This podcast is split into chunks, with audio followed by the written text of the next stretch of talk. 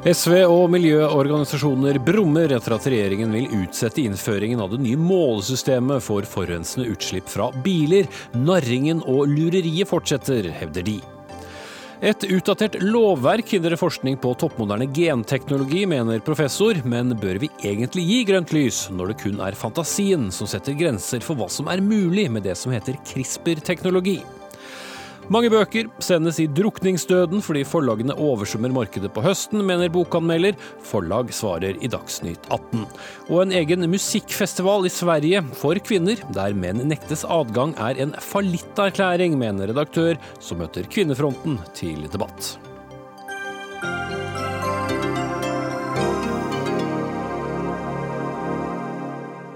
Ja, Dette og hint er innholdet i onsdagens Dagsnytt 18 med Espen Aas, der vi også skal innom eh, giftsaken i Storbritannia og nok en bok som skriver lite pent om en viss amerikansk president.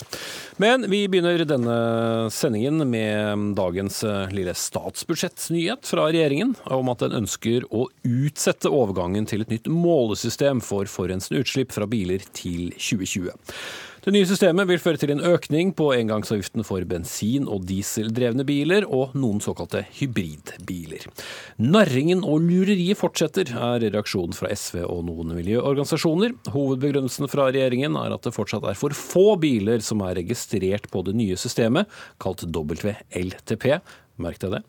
Og at eh, det dermed er usikkert hvor mye utslippsverdiene vil øke. Hensikten er en mer presis måling av hva biler slipper ut av forurensende stoffer i luften, som CO2. Og Jon Georg Dale, nyslått samferdselsminister fra Fremskrittspartiet. Du stepper inn for finansminister og partileder Siv Jensen som er på reise. Hun sa i dag at det var nødvendig å tråkke på bremsen nå. Det må du forklare. Ja, Det er jo fordi at dette avgiftssystemet er ikke klart til innføring. Det er ikke nok biler som har det. Vi hadde hatt store utslag av det uten å ha kvalifisert gode nok tall til å gjennomføre det. Og så mener vi at det derfor er nødvendig å avvente dette et år. Også for å gi forutsigbarhet både for bilkjøpere og bilselgere, så de får tid til å omstille seg til et nytt system når det kan være på plass. Og at vi samtidig da kan vurdere å fortsette det arbeidet vi har gjort i den regjeringsperioden vi har bak oss som handler om en gradvis omlegging av miljøavgiftene, som gjør at vi priser høyere de mest forurensende bilene, og lavere de som har mindre utslipp. Med det som resultat at både bilavgiftene har gått ned, men utslippene likeså. Mm. Og så er det kanskje hendig et år før lokalvalget også for eh, Frp å ikke innføre noen avgifter? Ja, jeg mener jo at vi har gjort veldig mange fornuftige omlegginger på bilavgiftene. Men vi har gjort det samtidig som vi har greid å redusere de totalbelastningene for bilistene. Det gjør at vi bygger mer vei nå enn vi tar inn i bilrelaterte avgifter. Det er et viktig eh, prinsipp for oss. Men samtidig så har vi klart å både kutte bilavgiftene og kutte utslipp. Og Det er det som er det forundrende med utgangspunktet til SV i denne debatten. At det ser ut som det er et poeng i seg sjøl at avgiftene skal være høye, og ikke hva slags politisk resultat du får ut av avgiftspolitikken. For oss er det resultatene som teller. Utslippene går ned, bilavgiftene likeså. Mm. SV skal straks svare på det, men EU innfører jo dette nye systemet. Hva er det vi har skjønt som ikke de har skjønt? Nei, men vi også sier at vi må komme tilbake igjen til dette avgiftssystemet i 2020. Det forplikter vi til, men da kan vi også gjøre det samtidig forutsigbarhet for bilkjøpere, forutsigbarhet sikkerhet for bilselger, og ikke minst at vi kan se på om det er avgiftsomlegginger som også kan gjøre at hverdagsbilen til vanlige norske familier ikke blir 80 og 120 000 kroner dyrere, som vi har sett utslag av nå. Vi trenger trygge biler til vanlige folk i Norge. Det kan vi få til hvis vi bruker bruke noe mer tid på denne avgiftsomlegginga. Og Derfor trakker vi på bremsa nå, og så gjør vi nye vurderinger først i statsbudsjettet for 2020. Mm. Ja, du har jo nærmest introdusert uh, Kari Elisabeth Kaski, finanspolitisk talsperson i uh, SV. Da vi snakket med deg før sending, så sa du at regjeringen med dette lurer folk til å kjøpe biler med høyt utslipp. Hva slags uh, lureri holder de på med? Bakgrunnen for denne diskusjonen er jo snakk om en omlegging av målemetodene for hvor mye klimagassutslipp biler har. De må målemetodene man har i dag, har både vært unøyaktige, blitt stadig mer unøyaktige, og det er omf avdekka omfattende juks fra bilprodusentene. Sånn at bilene som vi trodde slapp ut en viss mm, del CO2, slipper ut mer CO2. Og da er det her snakk om hvor mye skal vi hvor mye skal det koste å kjøpe en helt ny bil? Eh, og med den nye eh, måten å regne på det, så kommer fossile biler til å bli priser mer riktig, rett og slett. Og derfor også dyrere. Eh, når det her blir utsatt nå, så sier jo egentlig regjeringa at OK, vi vil ikke øke prisen på, på fossile biler nå, på bensin- og dieselbiler, men det kommer til å skje. Jeg vil heller at folk i dag, når de skal kjøpe seg en ny bil, og ta den beslutninga, kjøper seg en elbil eller en hybridbil. Det er det vi vet at vi må, fordi at vi har vedtatt målsetninger for transportsektoren. Det kommer til å være mye billigere i bruk og i drift. Men ingen lurer vel på hvilke biler som blir dyrere i framtida, kanskje? Nei, jeg håper jo ikke det. Men så, så sier jo det som man hører fra samferdselsministeren her, er veldig uklare signaler. For han snakker om avgiftsomlegging og at eh, eh de egentlig vil ha lave avgifter. Men, men bilavgiftene for fossile biler må gå opp, både på kjøpstidspunktet og på, på, bruks, på bruken av det, for at vi skal nå det målet som Stortinget har satt, og Frp også har stemt for, at i 2025 skal det bare være nullutslippsbiler som, som, selges. Og husk på, i dag, 74 av bilene som selges i dag, er ikke, er ikke biler som kan selges i 2025. Så det haster med å få til den omlegginga. Ja, det, er, det, er, fantastisk å høre på SV. altså. For gang etter gang så gjentar de at poenget deres er at avgiftene skal bli høyest mulig. Vårt poeng, regjeringas poeng er å levere en fornuftig bilavgiftspolitikk som også gir klimagassreduksjoner, så gjør at vi når våre forpliktelser. Og Det er jo det vi er i gang med å gjøre. Og Da framstår det for meg som helt underlig at et parti som hevder de er opptatt av å dempe de sosiale forskjellene, og over natta vil gi vanlige folk sine biler en skattesmell på størrelsesorden 80 000 120 000 kroner. Kjøper ny bil, ikke, det, ikke på den bilen folk det, har i bruk i dag. Det er, det er viktig forskjell. Det er for meg helt utrolig at det er et eh, perspektiv en kan ha hvis en er opptatt av å dempe de sosiale forskjellene. Van, mange vanlige folk rundt omkring i dette landet har bilen som sitt eneste mulighet til å transportere seg sjøl. Men handler det ikke først og fremst om hva du betaler når du kjøper bil? Jo, det gjør det. Men det gjør jo at også den omlegginga som gjør at hvis den hadde kommet nå, allerede fra 1.1.2019, når vi ikke har måleinstrument til å faktisk måle dette på mange nok biler, så ville det bare medført at risikoen for de bilene du allerede har bestilt, hadde gått opp i avgifter, med det som eneste resultat at det du har oppnådd, det var at både for bilkjøper og for bilselger hadde blitt en dårlig deal, uten at vi kunne kvantifisert at det hadde påvirka utslippene. Mm. Og Derfor er det viktig at vi veit hva vi gjør. Og Derfor sier vi vi må bruke ett år lenger på det. Så fortsetter regjeringa, som vi har gjort, ei bevisst avgiftsomlegging som både reduserer bilavgiftene, men også får ned utslippene. Ok, Du skal få svare, Kaski, men jeg vil ha inn uh, de som representerer bileierne her også, uh, nemlig uh, NAF, Norges Automobilforbund, som du sa det etter. Og Camilla Ryste, da vi snakket med deg før sending, så sa du at denne beslutningen kom sent, men godt. Hvorfor mener du det var viktig at de trykket inn bremsen nå?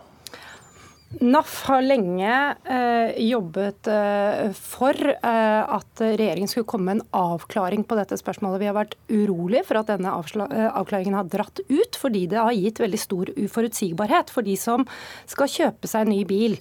Eh, konkret resultat at uh, før denne avklaringen kom i dag, så kunne du bestille en bil i høst med levering over nyttår, og du visste ikke hva prisen ville bli. Det er ikke holdbart. Så Derfor sier vi sent, men veldig godt eh, at den avklaringen kom nå. Den kunne gjerne komme tidlig, men vi er fornøyd med at dette kommer, og at regjeringen sier nå at de tråkker på bremsen og utsetter innføringen. Så merker vi oss også at regjeringen sier at eh, når dette kommer i 2020, så skal de sikre gode overgangsordninger, og de skal sikre at det fortsatt skal lønne seg å kjøpe trygge og eh, miljøvennlige familiebiler i Norge. Og Der kommer vi til å følge veldig tett med på og passe på at eh, regjeringen gjør dette, sånn at det fortsatt skal være lett å være forbruker, eller hva skal jeg si ikke altfor vanskelig, for det er ikke lett å kjøpe bil i dag. Det er mye usikkerhet allerede, og dette fjerner i hvert fall én usikkerhet. Mm. Eh, Siljas Lundberg, leder av Naturvernforbundet, du har vel heller ikke da eh, heist flagget til topps eh, over det som skjedde i dag? Nei, det har jeg ikke. Vi er ikke noe fornøyd med, med nyhetene i dag. Og så må jeg også først arrestere deg litt her, fordi når han sier at takket være denne bilpolitikken som man fører, så går utslippene så mye ned. Så må man også huske at grunnen til at de utslippene går ned, er fordi at man har fått bilister i Norge til å kjøre med regnskog på tanken.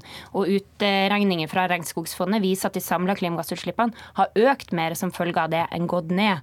Og da er utfordringa Det som slår meg gang på gang, er at det her er nok en gang så viser man en sånn voldsom berøringsangst overfor bilistene.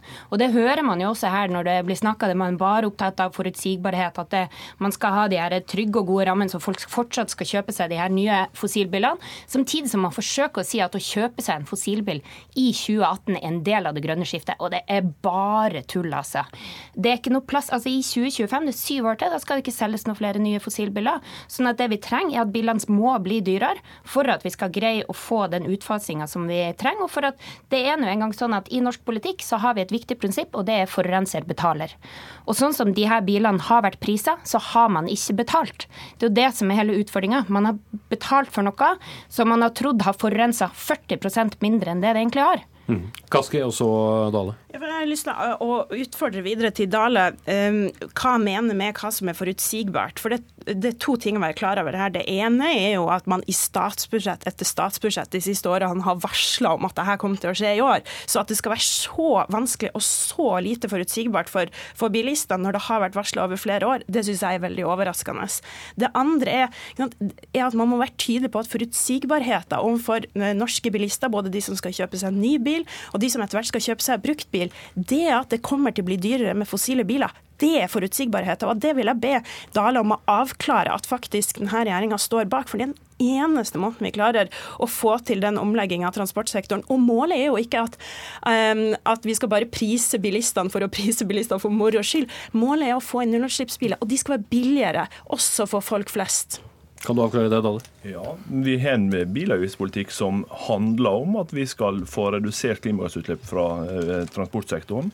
Den jobben skal vi gjøre. Vi skal selge bare nullutslippsbiler i 2025. Klare politiske ambisjoner om det. Men det som det ser ut som en del av debattantene litt systematisk glemmer eller ikke veit, at det er en del av oss som kommer fra områder der kollektivtrafikken ikke er et spesielt aktuelt, uh, aktuell problemstilling. Hjemme til meg kan du komme på besøk hver fredag. Da går det buss. Kan du reise ut igjen fredagen etterpå. Men, men, men, men problem, problemet er at nullutslippsbilen i en prisklasse som vanlige familier har råd til, er ikke en aktuell problemstilling, det heller. Og vi må på et eller annet tidspunkt ta inn over oss at i 2018 kommer folk til å bestille biler som skal leveres på våren neste år. Det får de ikke gjort hvis vi skulle innført dette nå, uten at de risikerte at bilen ble 80 000-120 000 kroner dyrere. Det er ikke fornuftig, det er ikke forutsigbart. Det eneste det er, det er usosialt for en del familier som faktisk trenger bilen for å få hverdagen sin til å gå. Akkurat samme problemstilling dere kommer til å stå overfor til neste år. Dere har visst om det her. Man kan, kunne ha sett på ulike typer overgangsordninger akkurat samme problemstilling som dere skyver bare eh, ett år fram i tid, mens norske forbrukere kommer til å kjøpe bensin- og dieselbiler som kommer til å koste masse i bruk framover i tid, istedenfor å kjøpe seg nullutslippsbiler nullutslippsbil i dag. Og utviklinga har jo gått sånn at også nullutslippsbiler, både elbiler og gode hybridbiler, kan kjøre i distriktene. For det jeg lurer på, og det kan kanskje du klare, eh, Ryste, for når man først da kjøper en bil nå, altså, eh, så vil jo de bilene som selges nå, med de vanlige avgiftene, vil jo da være i sirkulasjon sirkulasjon i jeg vet ikke, 19-20 år til, eh, som er en gjennomsnittstid på en bil. så ved å ikke uh, gjøre disse dyre, så er det vel et poeng at det vil være flere diesel- og bensinbiler i omløp. Uh, som da regjeringens langsiktige mål skal være at det skal være færrest mulig av.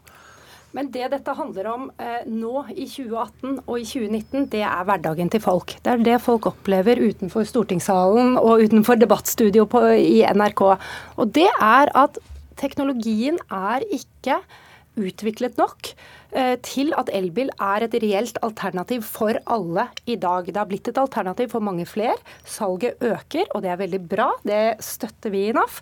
Men det er ikke det for alle enda, og Det er en grunn til at Stortinget har vedtatt at eh, alle nybiler som selges skal være elbiler først i 2025. Det er fordi man trenger tid. Altså Her svarer man jo ikke. Det, det, altså det var jo ikke noe svar på spørsmålet. Ja, de bilene som da kommer til å bli solgt nå, de fossilbilene, de kommer da til å ja, bli kjørt på veiene i 15-20 år.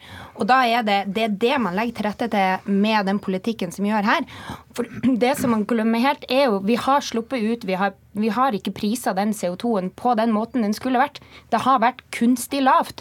Eh, og det er både fordi man ikke har hatt gode nok metoder, de har vært for dårlige, og fordi bilprodusentene også har juksa.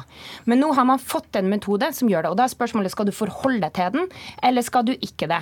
Og så, så, så er det altså sånn at i 2020 Ja, nå hører du deg på det argumentet. Altså, litt av svaret på det er vel at de skal forholde seg til men ikke akkurat nå, men om litt. Jeg må derimot forholde meg til en beskjed om at uh, vår tid er ute, så jeg takker fra en side den andre.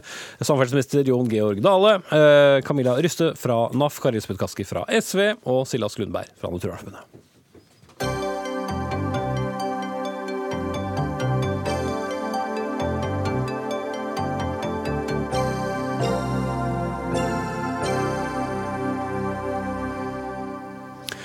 Britisk eh, politi har siktet to russiske menn for eh, nervegift, snarere, angrepet mot den russiske ekspioden Sergej Skripal og datteren Julia i mars eh, i år. Politiet har frigitt bilder og sier de har nok bevis til å sikte dem. Og Øyvind Nyborg, vår mann i London, utenfor Scotland Yard i London. Hva er det britisk påtalemyndighet kan si om disse to mennene? De har lagt fram eh, ganske mye etterforskningsmateriale. De sier jo at det er den eh, vanskeligste og største eh, saken som antiterrorpolitiet her har hatt noensinne. Det er mye videoovervåkningsbilder som bl.a. viser at de to russerne har kommet med fly til Gatwick, tatt inn på et hotell her i London, reist med tog ut til Salisbury. Først rekognosert på lørdagen, og så reist ut og utført selve handlingen ved å da ha med seg denne nervegassen inn, smuglet med seg på flyet eh, i en liten parfymeflaske, sprayet den på dørhåndtaket til Skripal og datteren, og eh, deretter eh, tatt toget tilbake til Victoria, ut til Heathrow og tilbake til Moskva. Og det de er siktet for, det er mordforsøk. De er også siktet for da bruk av et ulovlig kjemisk militært nervegass. Hvor lenge har britene visst om disse to? Ja, Det kan det være. Det kan være ganske lenge. Det er klart at eh, det å disse bildene vi har eh, sett i dag, så ser det jo ikke akkurat ut som om de to russerne har gjemt seg så veldig.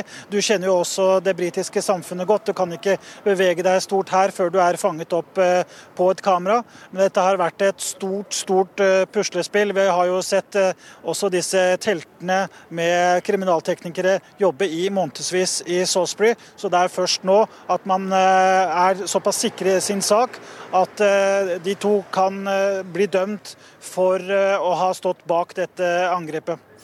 Jan Espen eh, Kruse, vår korrespondent i eh, Moskva. Bildene er jo sirkulert også i, Russland. Hva vet vi om, om disse to mennene? Hvem er de? Jeg har fulgt med russiske medier i hele dag på denne saken og har ikke blitt klokere på akkurat det punktet. Eh, mediene her de eh, gjør ingen forsøk på å fortelle hvem disse mennene er. Eh, myndighetene har bedt om fingeravtrykkene deres fra britisk politi.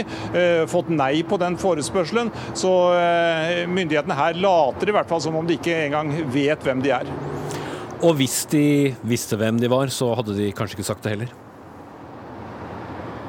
Nei, dette, hvis eh, dette dreier seg om eh, en eh, etterretningsaksjon Etterretningsagenter er det jo ingen land som offentliggjør hvem som, er, hvem som skjuler seg bak deres identitet. De, de opplyser ikke noe om dette her.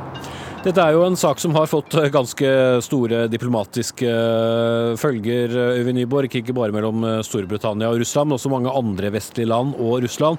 Statsminister Theresa May har snakket om saken i Underhuset nå i ettermiddag. Hva sa hun der? Hun sa eh, to ting som er viktig å huske på. Hun sa at disse to mennene de eh, var fra da Russlands eh, militære etterretningstjeneste GRU. Hun sa også at det er høyst sannsynlig at disse to har handlet på oppdrag fra høytstående personer i den russiske stat. Så det er klart at den anklagen som kommer her fra London i dag, er veldig alvorlig og bidrar til å eh, gjøre et forhold mellom Storbritannia og Russland eh, til å bli enda kjøligere, kanskje ytterligere lenger ned i fryseboksen enn det allerede er fra før pga. mange andre ting. Jan Espen eh, Kruse, som du var inne på, så har jo eh, russerne tilbudt en form for eh, hjelp da, til britene. Hvorfor eh, gjør de det?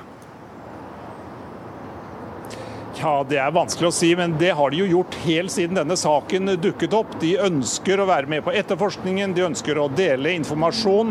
Eh, motivet kan naturligvis være å tåkelegge hva som egentlig har eh, skjedd, eh, men de gjentar at eh, deres myndighetenes eh, posisjon har ikke endret seg med det som har kommet fram i dag. Eh, de får ingen informasjon fra britisk side, sånn at de, og de sier at de Eh, sår tvil. Det er vanskelig for dem å tro på det siste som har kommet eh, fram i dag. Eh, sånn at de endrer ikke en tøddel på det de har i praksis gjort hele veien, og holder helt tyst om hva dette kan dreie seg om. Fortsatt en isende kald knute mellom Storbritannia og Russland, altså. Takk til Jan Espen Kruse i Moskva og Øyvind Nyborg i London.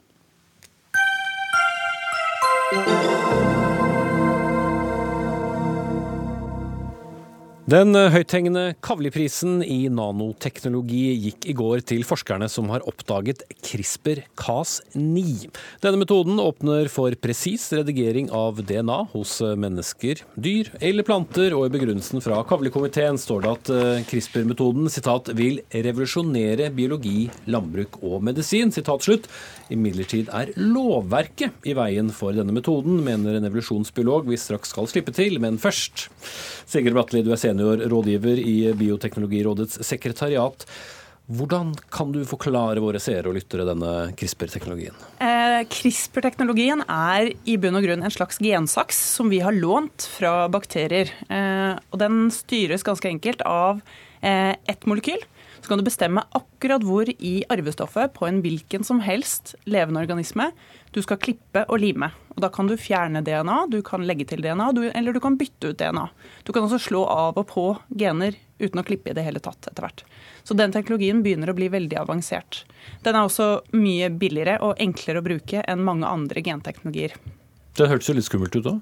At man kan eh, designe eh, DNA eh, så skråsikkert? Ja, det er det som er, den teknologien er, muliggjør et helt spekter av ulike endringer. Alt fra bitte små endringer som tilsvarer det som finnes i naturen fra før, helt opp til omtrent helsyntetiske organismer. Så dette er jo ett verktøy, men så er det veldig ulik type bruk. Så selvsagt så er det også eh, mulige konsekvenser av å ta den i bruk. Mm. Men hvis vi prøver å se på de positive sidene, hvilke deler av samfunnet vil ha mest nytte av teknologien? Det er først og fremst eh, forskning. Dette er et forskningsverktøy. Men også innen medisin, f.eks. behandling av genetiske sykdommer. Der ser vi masse spennende resultater. Eh, alvorlige arvelige genetiske lidelser som man aldri har kunnet behandle før. Eh, men så er det matproduksjon som er den store diskusjonen i dag. Og der også er det masse aktivitet eh, for å prøve å da forbedre egenskaper eh, ved dyr og planter. Mm. Har du noen konkrete eksempler på hvor dette kan være nyttig, eller hvor det brukes i dag? Ja, i Norge så brukes det også bl.a. på Havforskningsinstituttet. Der har forskere brukt CRISPR til å lage steril laks. De har ødelagt et gen som er nødvendig for kjønnsmodning. Så den laksen kan ikke krysse seg med villaksen hvis den rømmer. Og dette er et bærekraftsperspektiv. Det er også en del planter, f.eks. poteter, som ikke blir angrepet av tørråte. Som da ikke trenger å sprøytes. Den typen eh, produkter er det vi snakker om. Mm. Men eh, som jeg antydet, det kan vel finnes noen uh, ulemper og noen mørke sider ved slik teknologi? Det kan det absolutt. Eh, den teknologien er også veldig tilgjengelig. Eh, man kan bestille det på nett f.eks. Så blant annet så kan man eh, lage antibiotikaresistente bakterier på stuegulvet med et sånn hjemmekit, hvis man vil det. Så det er nok av utfordringer også. Ja. Nils Kristian Senseth, professor i biologi ved Universitetet i Oslo. I Aftenposten i går så skrev du at CRISPR-forskningen hindres av lovverket, og hvordan da? Ja, jeg syns jo det er veldig paradoksalt at i går så feira vi en revolusjonerende eh, vitenskapelig bragd eh, som da ble kunngjort før sommeren. Og eh, da kom mer eller mindre samtidig EU-domstolen som, som, likestiller denne veldig presise metoden på å redigere genomet vårt, genene våre, sidestiller den med tradisjonell genmodifiserende organismer. Eh, jeg syns dette er veldig paradoksalt. Og vi liker i dette landet her å si at eh, forvaltningen skal være kunnskapsbasert. Jeg syns jo da lovgivningen bør også være kunnskapsbasert og mer presis enn den har vært i dette tilfellet. La oss bringe inn litt kunnskap på ja. det nå, med, med, deg Hans Petter Graver, eh, professor ved Institutt for privatrett ved Universitetet i Oslo. Hva er det EU-domstolen faktisk har gjort her? Ja, EU-domstolen har tatt utgangspunkt i et EU-direktiv eh, e som har en definisjon av GMO som avviker fra den definisjonen som forskerne bruker. Altså, mm, altså genmodifisering? Genmodifisering, ja. Fordi eh, forskerne de tenker på genmodifisering når man tilfører et fremmed genmateriale fremmed arvestoff inn i en organisme. Mens direktivet det definerer da enhver forandring av eh, arvematerialet som skjer på annen måte enn med naturlig eh, reproduksjon, som eh, en genmodifisering. Og så var spørsmålet om denne CRISPR-teknologien skulle puttes inn under et unntak som direktivet har for gamle og tradisjonelle metoder. Og da sa domstolen nei, det kan ikke det, fordi dette er så nytt at uh, det kan ikke sammenlignes med de gamle unntakene. Mm. Men uh, effekten er at det da må stå på vent og ikke kan benyttes? Ja, altså Den direkte effekten er at man da må gjennom en uh, veldig omstendelig prosedyre for å få tillatelse til å sette denne typen organismer ut i miljøet, naturen.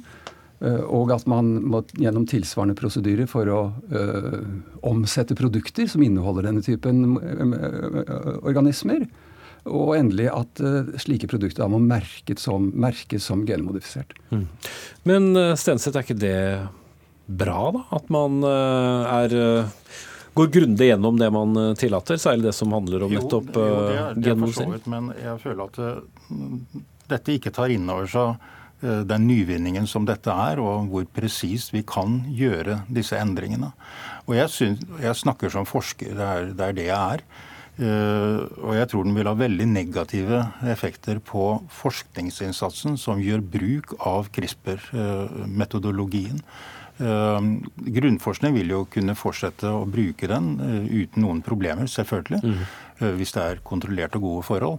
Men det vil være mindre interesse for å investere i den type forskning. Fordi, fordi man kan ikke tjene penger på den nettopp, på lang tid. Nettopp, nettopp. Ja. Og det vi jo gjør, det er jo at vi, vi, vi, i Europa setter oss utenfor eh, den utviklingen på mange måter som resten av verden er veldig interessert i. Vi nå outsourcer dette til USA og Kina. Og kanskje også i brexit og til eh, England. Mens Europa er utenfor dette i stor grad. Mm. Så de kommer til å komme mye lenger og begynne å benytte den teknologien, ja. mens vi må uh, få godkjent uh, hvert tilfelle? Ja. Det vil være det er interessen for å investere i dette. Både på regjeringsnivå, og i forskningsråd og i industrien. Arne Holst Jensen, seniorforsker ved Veterinærinstituttet og medlem av Bioteknologirådet. Hvordan ser du på konsekvensene av den dommen i domstolen? Nei, jeg tenker jo det at denne dommen helt klart viser at vi har behov for å gjøre noe med det eksisterende lovverket. Og vi i Bioteknologirådet vi begynte et arbeid for det er vel to år siden nå, tror jeg med å nettopp ta for oss den norske genteknologiloven. Og Den er jo da 25 år gammel i år og har nesten ikke vært utsatt for noen forandringer i løpet av de 25 årene. Eh, og Bakgrunnen for at vi tok opp det som et tema i rådet, var at vi så at den teknologiske utviklingen og også det kunnskapsgrunnlaget vi har ervervet oss i løpet av de 25 årene, tilsier at vi i hvert fall må gå kritisk gjennom den loven og gjennom den prosessen så kom vi da også frem til en del forslag. Eh, flertallet i rådet sluttet seg klart til bl.a. Eh, forslag om å nivådifferensiere hvordan vi behandler ulike typer av genteknologier.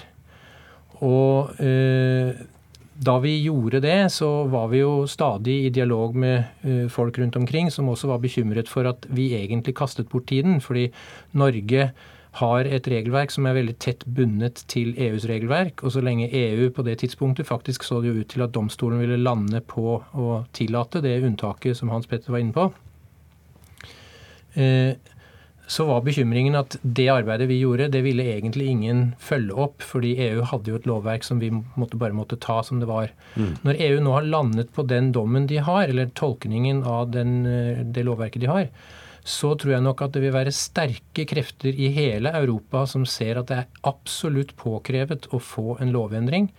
Og da tenker jeg også at det arbeidet vi har gjort i Bioteknologirådet med å se på den norske genteknologiloven og se på en modernisering, at det vil være høyaktuelt også inn mot resten av Europa og det arbeidet. Graver, hvis jeg hadde snudd på det, hva hadde konsekvensen vært om domstolen hadde sagt at CRISPR ikke skulle puttes inn i denne GMO-kategorien som du nevnte? da? Altså Den direkte konsekvensen ville vært at det ville vært opp til de nasjonale myndighetene å regulere dette.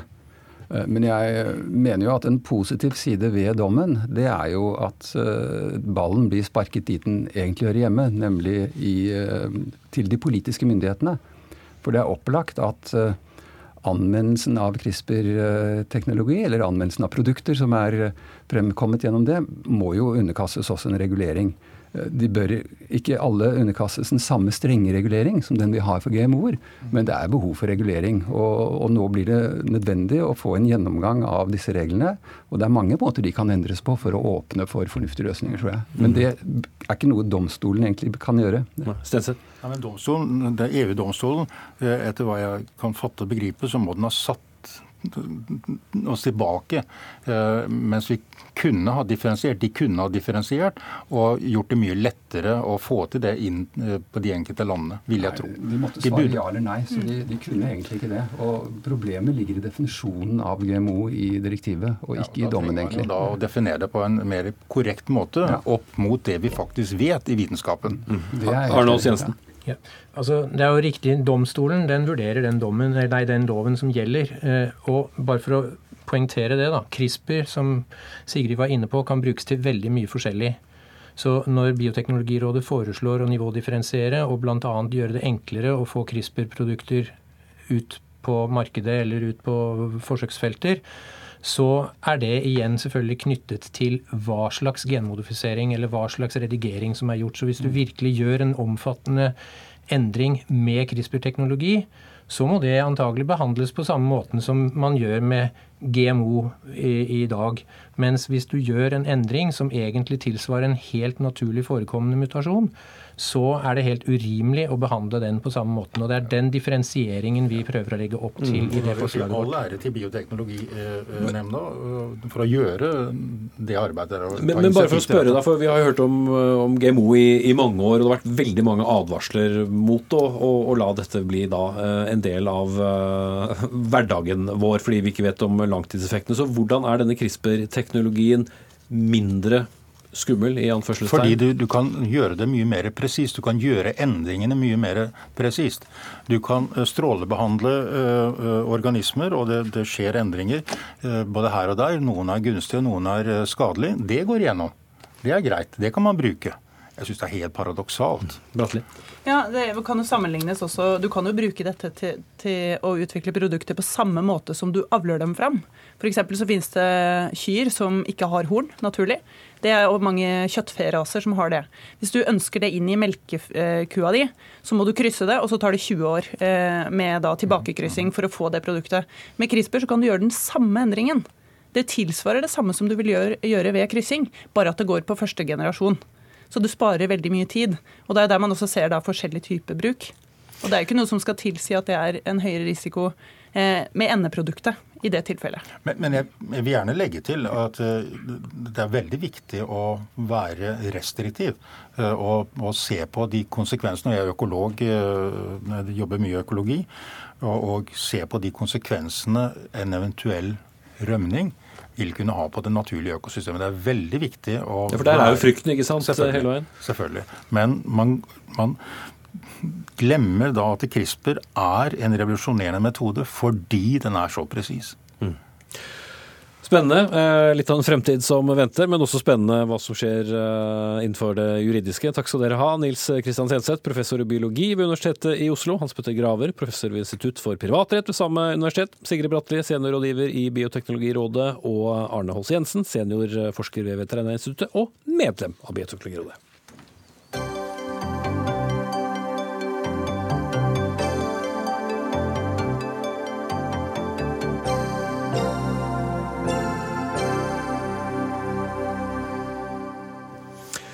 Det vi kort og godt kaller bokhøsten er godt i gang. Bokhandlene fylles med nyutgivelser, mens kultursidene i de avisene som fortsatt har dem, fylles med anmeldelser.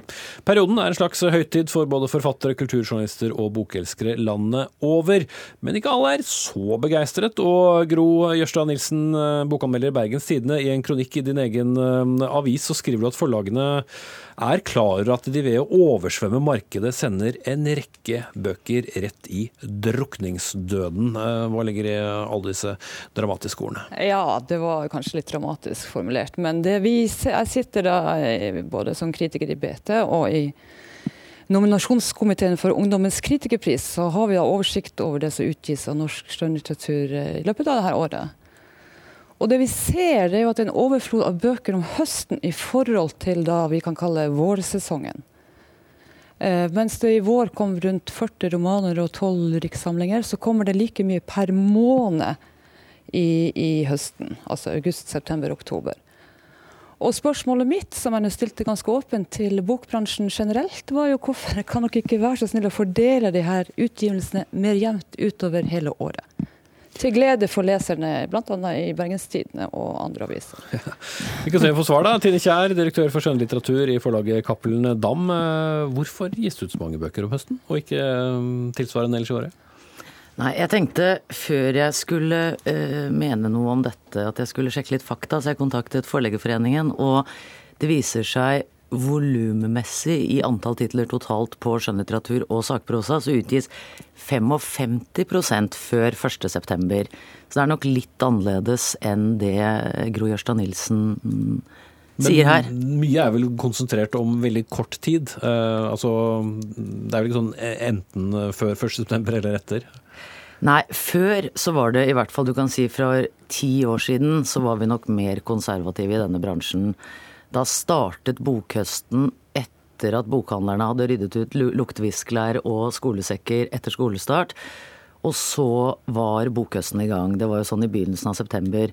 Nå starter høstens lanseringer faktisk i juli og varer til ut oktober. Så har vi et tyngdepunkt i september, det har vi mm. absolutt. Mm.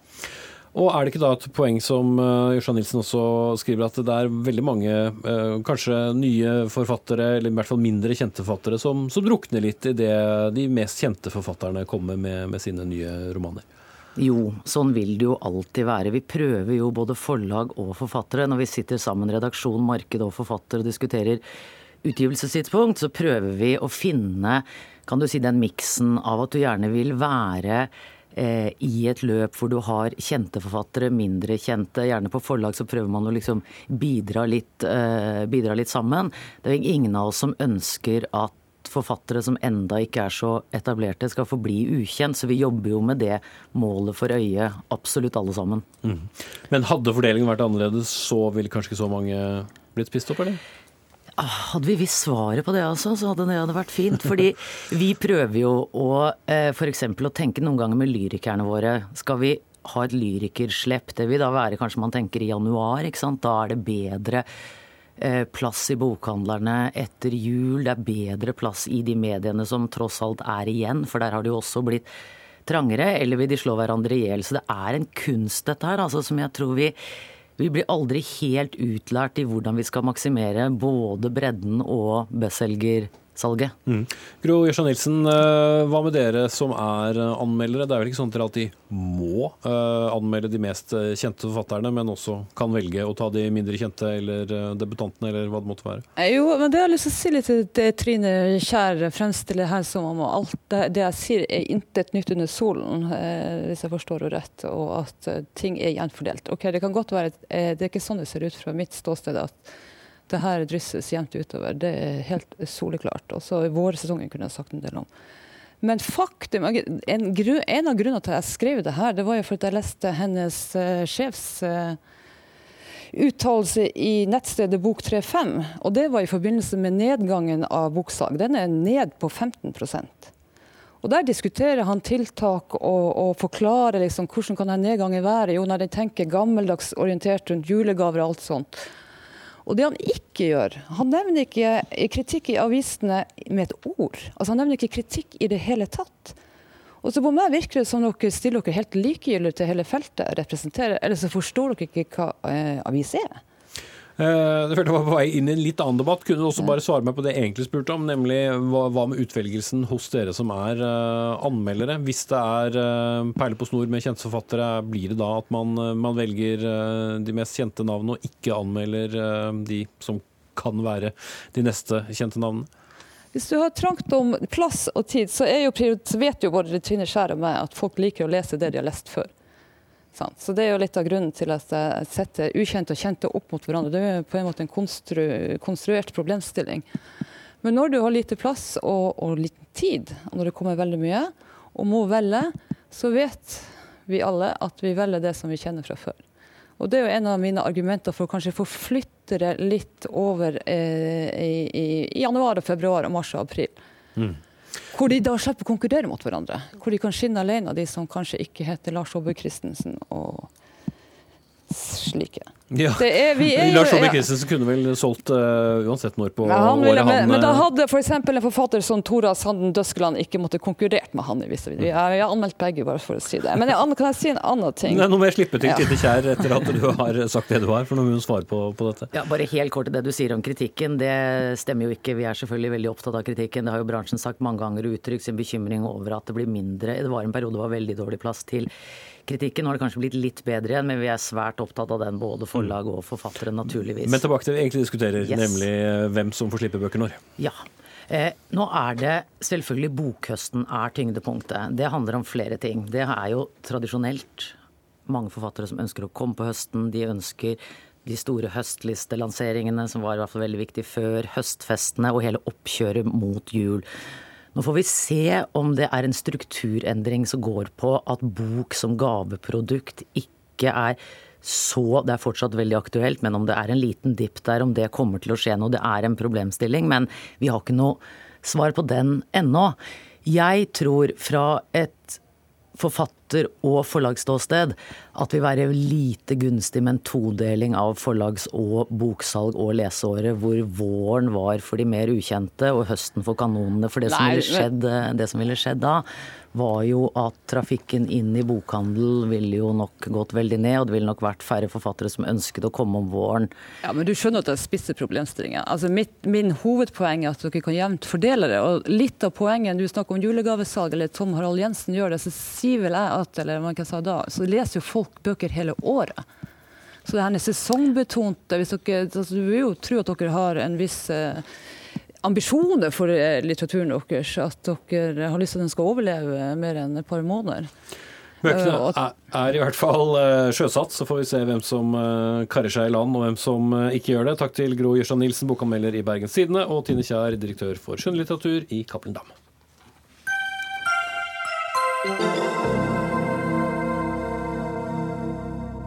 Og vi gir oss for så vidt ikke helt med bøker heller. Eh, man trenger kanskje ikke alltid lete så lenge etter noen som vil si eller skrive noe stygt om eh, USAs president eh, Donald Trump, ei heller blant forfattere. Men mannen som nå har en bok på trappene, boken Frykt, Trump i Det hvite hus, skrevet av den tidligere Washington Post-journalisten Bob Woodward, er iallfall en med en viss troverdighet bak seg. For han var jo en av de to Watergate-journalistene som kom med avsløringene, som var med på å gjøre gjøre at president Richard Nixon trakk seg tilbake i 1974. Og USA-korrespondent Veronica Westrin, presidenten selv har ikke gått så stille i dørene når det gjelder denne bokutgivelsen heller. Nei, det var jo allerede i går at de første lekkasjene begynte å komme fra boka her.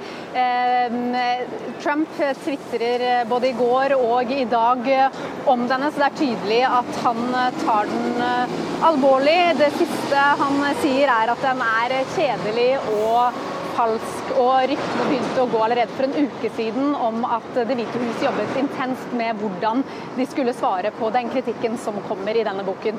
Ja, og en av dem som siteres eh, på noen ganske friske uttalelser, er forsvarsminister eh, James Mattis, kalt eh, Mad Dog. Men han har slått frist tilbake og mener at han ikke har sagt det han siteres på. Ja, Han skal ha sagt at Trump har kunnskap eh, som et eh, barn. Eh, og det er jo flere slike slik språkbruk da, som kommer fram bl.a. av Trumps medarbeidere. Blant annet så skal justisminister Jeff Sessions ha blitt kalt en tilbakestående sørstatsmann av presidenten. Og presidentens stabssjef John Kelly, we are in crazy town, og han er en idiot. Og, og, disse påstandene blir jo avvist, og Trump bruker også det på Twitter og viser til eh, at eh, påstandene benektes. Hvor eh, troverdig er da denne boken? Altså, Forfatteren bak denne boken som du er inne på i innledningen, er jo den som, som førte til kanskje at Nixon i sin tid trakk seg som president. Han er regna som en svært pålitelig journalist. Eh, han har eh, vunnet Pulitzer-prisen. Og, og, det er vel også kanskje derfor Trump tar denne boken såpass på alvor og bruker mye tid på å tilbakevise de påstandene som kommer i den. Hilmar Mjelde, postdoktor ved Institutt for informasjon og medvitenskap ved Universitetet i Bergen, og du har også spesialisert deg på amerikansk politikk. Det er jo ikke akkurat første boken som forteller oss at eh, Trump eh, mer eller mindre er uskikket til å være president. Eh, har de noe å si? Nei, vil jeg si, i den forstand at ja, man, man, kan lett anta at uh, ting får konsekvenser. Uh, skal ikke noen gå av? Noen må vel gå av. Uh, man kan anta at velgerne er en sånn formelig masse som liksom svaier til side Eh, for å si at det sier etter hvert som uh, uh, ting skjer, men så er ikke uh, tilfellet. det er ingen i dag som ikke har en satt oppfatning i USA om Trump. Og USA sitt politiske system det er jo designa sånn at ting skal virke treigt. og tilfeldige enkelthendelser skal ikke få store konsekvenser. men når det er sagt, så kan du si at noen av de tingene som blir beskrevet i denne boken her, da, eh, de har eh, konsekvenser eh, for USA i det daglige. Da at det er så mye kaos i Det hvite hus. Det har konsekvenser i den forstand at samarbeid internt i staben til Trump blir vanskeligere, mindre effektivitet, redusert moral. Og det som òg kommer ut, som òg er ganske godt dokumentert etter hvert, at Trump er intellektuelt passiv. Han har manglende sakskunnskap. Eh, de tingene gjør at han ikke alltid tar veloverveide eh, beslutninger. Så der Obama og Clinton nok var så analytiske at de av og til ble handlingslamma, så er Trump uh, Han stoler for mye på instinktet sitt. Mm. Så skal vi ikke så langt tilbake i, tid før vi hørte en del av de samme eh, beskyldningene for så vidt uh, mot Trump. Men mm. som jeg var inne på med Westin, så er det jo Bob Woodward som har skrevet dette. Og de gir jo hele denne saken her litt ekstra krydder. Ja, men det er òg at dette her er tredje bok i år i tillegg til Woodward. Altså det er tredje bok i år som framstiller Trump som en barnemonark Finnmark. Eh, der da de ansvarlige hjelperne fra tid til annen må gripe inn for at, uh, at ting ikke skal gå over ende i, i landet. Så Woodward har stor kredibilitet, i hvert fall blant intellektuelle, blant media. Og han har vært en konstant stein i skoen for sittende presidenter. For det er jo ikke første boke som denne han skriver. Han har jo skrevet en haug med sånne bøker.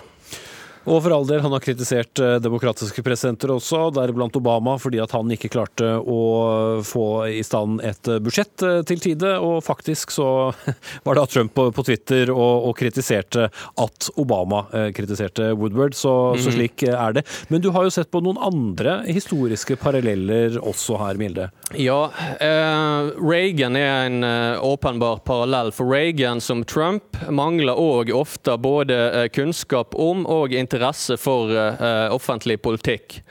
Uh, så Reagan ble av staben beskytta mot den høyst reelle faren Ronald Reagan. det mest ja, artige eksempelet på det er jo at staben til Reagan de pleide å guffe opp motoren på Marine One, helikopteret til presidenten, sånn at Reagan ikke hørte spørsmålene som journalistene ropte til han. Uh, og Det er et eksempel. Et annet eksempel er Nixon, som jo iblant fyrte seg opp i et drittsinne og ga absurde ordre som da staben unnlot å iverksette. For de visste at når Nixon da hadde roet seg ned igjen, så så han annerledes på ting. Mm. Veronica Westrin eh, i Washington, eh, hvor mye oppmerksomhet får da denne boken sammenlignet med de andre bøkene som har konsentrert seg om mye av den samme materien? Den får veldig mye oppmerksomhet her, og det er jo forventa at det også kan komme mer i tiden framover, selv om en rekke medier her har fått boka nå på forhånd. Den kommer ikke ut her før neste uke, men den ligger allerede på bestselgerlisten hos Amazon, så det er mange som ønsker å sikre seg et eksemplar av denne boken. Men uh, Hilmar Mjelde, de helt sånn store konsekvensene får jo aldri uh, sånne bøker. Børsene holder stand, den amerikanske valutaen holder seg, men det, men det blir en del oppstuss. Ja da, eh, det blir det. Eh, men igjen, eh, vi må skille mellom eller ikke igjen, vi må skille mellom det som vi kan kalle en reell politisk krise, og det som er en mediekrise. En mediekrise er liksom der Det er litt sånn som i dag, der media og opposisjon hopper opp og ned og, og liksom uh, trykke på eller, og tenke at nå skal dette her skal få store konsekvenser. Så ser vi da at velgerne ute i, i USA de, de, bryr seg ikke om dette, de 63 millionene som stemte på uh, Trump. Hvis det er én ting folk skal uh, tenke på, eller som kan få konsekvenser for Trump denne høsten, så er det denne spesialetterforskningen som kanskje konkluderer før jul. Den torpedoen er fortsatt i, i vannet, og jeg er mer interessert i hvordan det slår ut. Vi skal i hvert fall eh, ikke være redde for at ikke det blir skrevet eh, flere bøker om eh, denne presidenten eller hans etterfølgere. Takk skal dere ha, Hilmar Mjelde, postdoktor ved Institutt for informasjon og medievitenskap ved Universitetet i Bergen, og Veronica Westrin, vår USA-korrespondent.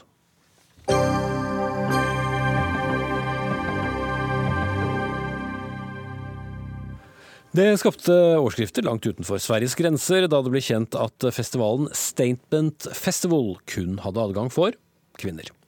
Musikkfestivalen som gikk av stabelen i Gøteborg i helgen, hadde nemlig adgang forbudt for menn både på scene og blant publikum. Et historisk øyeblikk, mente initiativtaker og kjent komiker og radiopersonlighet Emma Knykkare, som startet det hele. Reinspikka idioti, mener du, redaktør for nettstedet Broen XYZ, Hilde Sandvik, som også følger Sverre tett om dagen. Hvorfor, hvorfor er det reinspikka idioti? Det er jo en ren kapitulasjon. Eh, og dessuten så er det òg en underminering av hva gutter eller hva menn er. Altså, hvis vi skal ha trygghet her, så må vi faktisk avsondre oss.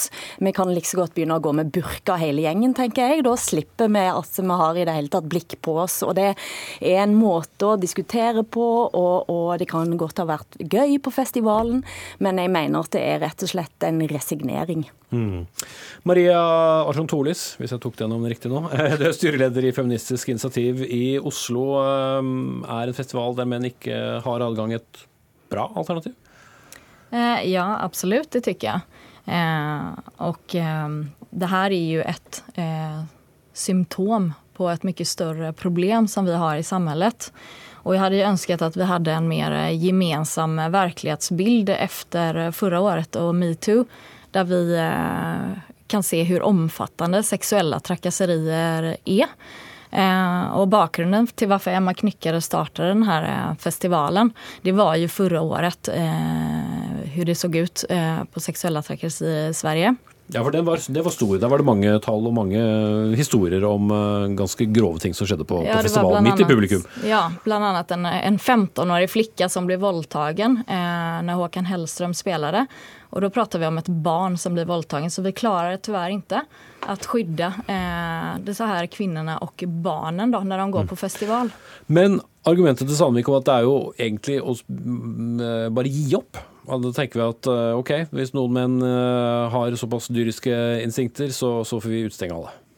Ja, men det er litt feil fel å begynne å legge skulden og skammen på dem som lager disse her festivalene. Da. Utan at man må jobbe langsiktig med å motverke seksuell trakassering. Og så her ser jo dessverre verkligheten ut i dag. Og det kan være veldig jobbigt å se det, men, men dessverre så ser det så ut. Hilde Sandvik, ser det Nei, sånn ut? altså sånn ser ikke verden ut. Fordi sånn verden ser ut i dag, så er det sånn at det fremdeles så kan vi gå ganske fritt på gaten uten å bli voldtatt, og heldigvis for det. Og så skjer det groteske ting, det skjer forferdelige ting, men det å begynne med å si at vi skal mure oss inne for å slippe, eh, det tenker jeg er en det er feil vei å begynne.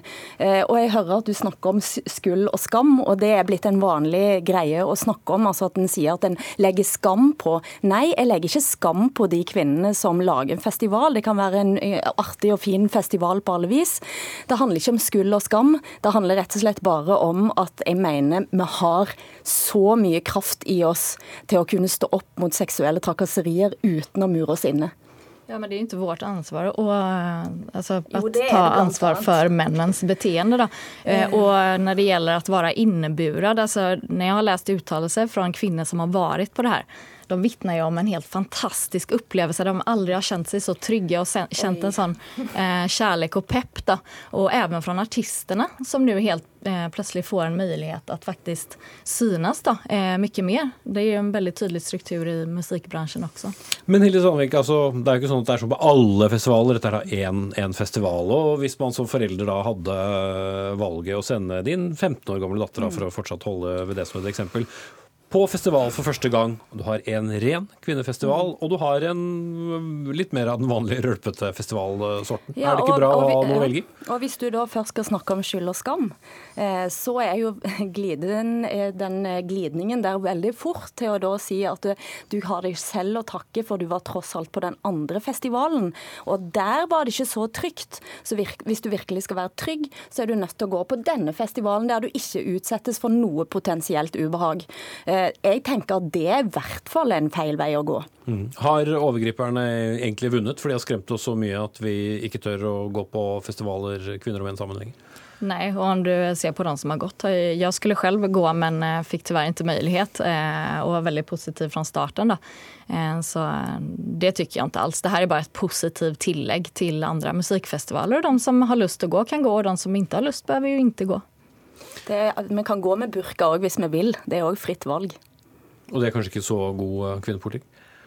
Eh, Vi mener ju att eh, alltså, dra in burkar i det här, det var en väldigt konstig jämförelse tycker Nei jag. men, nei, men Det er jo akkurat den samme type argumentasjon. At med å ta på seg et hodeplagg, eh, så gjør vi at den seksuelle fristelsen blir mindre, og dermed kan vi gå friere ut i gatene. Så egentlig i bunn og grunn så er det akkurat den ty samme type argumentasjon som ligger bak det å lage rene kvinnerom, som det er å segregere oss på en annen måte. Og Dessuten så strir det jo alt med alt det som er vett av eh, likestillingslover, tenker jeg. Ja, jeg er ikke alls enig med at det her har med altså at kvinner får skuld for at de seksualiseres. Utan vi har et problem i samfunnet der menn forgriper seg på kvinner. Det er, der, det er, det vi bør diskutere, og det er et samfunnsproblem der en av tre kvinner eh, i Norge blir utsatta for seksuelle trakasserier og det er det vi bør fokusere på. Men er det ikke en form for diskriminering her også til øh, den store, store andelen menn som kanskje ville gått på den konserten sammen med sine venninner eller kjærester? Eh, altså jeg mener at om du tilhører en utsatt grupp eh, så er det ikke diskriminerende. For du vil bare ha et frirum der du kan få kjenne deg trygg. da. Og det fins jo ulike typer av sånne eksempler eh, om i verden. Men tenker du da det kunne være greit med butikker som bare åpner for kvinner, badestrender for bare kvinner osv.? Altså en ytterligere segregering for å skape disse trygge, gjort atmosfærene? noen tenker om, men jeg tenker at i og med at det var, har vært sånne store problemer just på musikkfestivaler, så er det veldig naturlig at det dyker opp en sån, et sånt her alternativ. Då. Og det er jo nettopp fordi det dukker opp musikkfestivaler at en må begynne å diskutere hva det er som skjer på musikkfestivalene, og så må en gå til bunns i det og snakke med de gruppene og de mennene som, som utfører dette, eller som, som trakasserer kvinner på festivaler. Og det å begynne med den slags diskusjoner, det blir jeg veldig gjerne med på. Mm. Det er, du mener det er der vi må, må begynne? Selvfølgelig må en begynne det. Vi må begynne med våre egne sønner. eh, med våre egne kjærester, med våre egne fedre. Men hvis det skjer, da skal vi kvinner stanne hjemme, da? Nei, men det skjer jo hele tiden. Vi Mm. lever til tross alt så lever vi i relativt trygge, likestilte samfunn. Eh, vi Det er det jeg mener, at vi, vi deler en eh, ulike verdensbilder. Eh, Det kan godt være, men der tror jeg nok kanskje statistikkene viser at vi faktisk har gått, kommet veldig langt. Det er en av tre blir utsatt. Jeg er ikke interessert i å gå tilbake og si at vi er nødt allikevel til å segregere oss. Vi kommer fra et sånt samfunn. Jeg vil ikke tilbake dit. Men likevel må vi akseptere Vi hvordan det ser ut. Vi diskriminerer ingen her, bortsett fra at vi må holde tiden. Så jeg sier takk til eh, dere to. Marie Maria Orson Taalis, styreleder i Feministisk initiativ i Oslo, prøvde meg på etternavnet igjen, og Hilde Sandvik, redaktør for Broen XYZ. Ansvarlig for denne sendingen, Jara André Mikkelsen. Teknisk ansvarlig, Finn Lie. Jeg heter Espen Aas, og vi er tilbake igjen i morgen.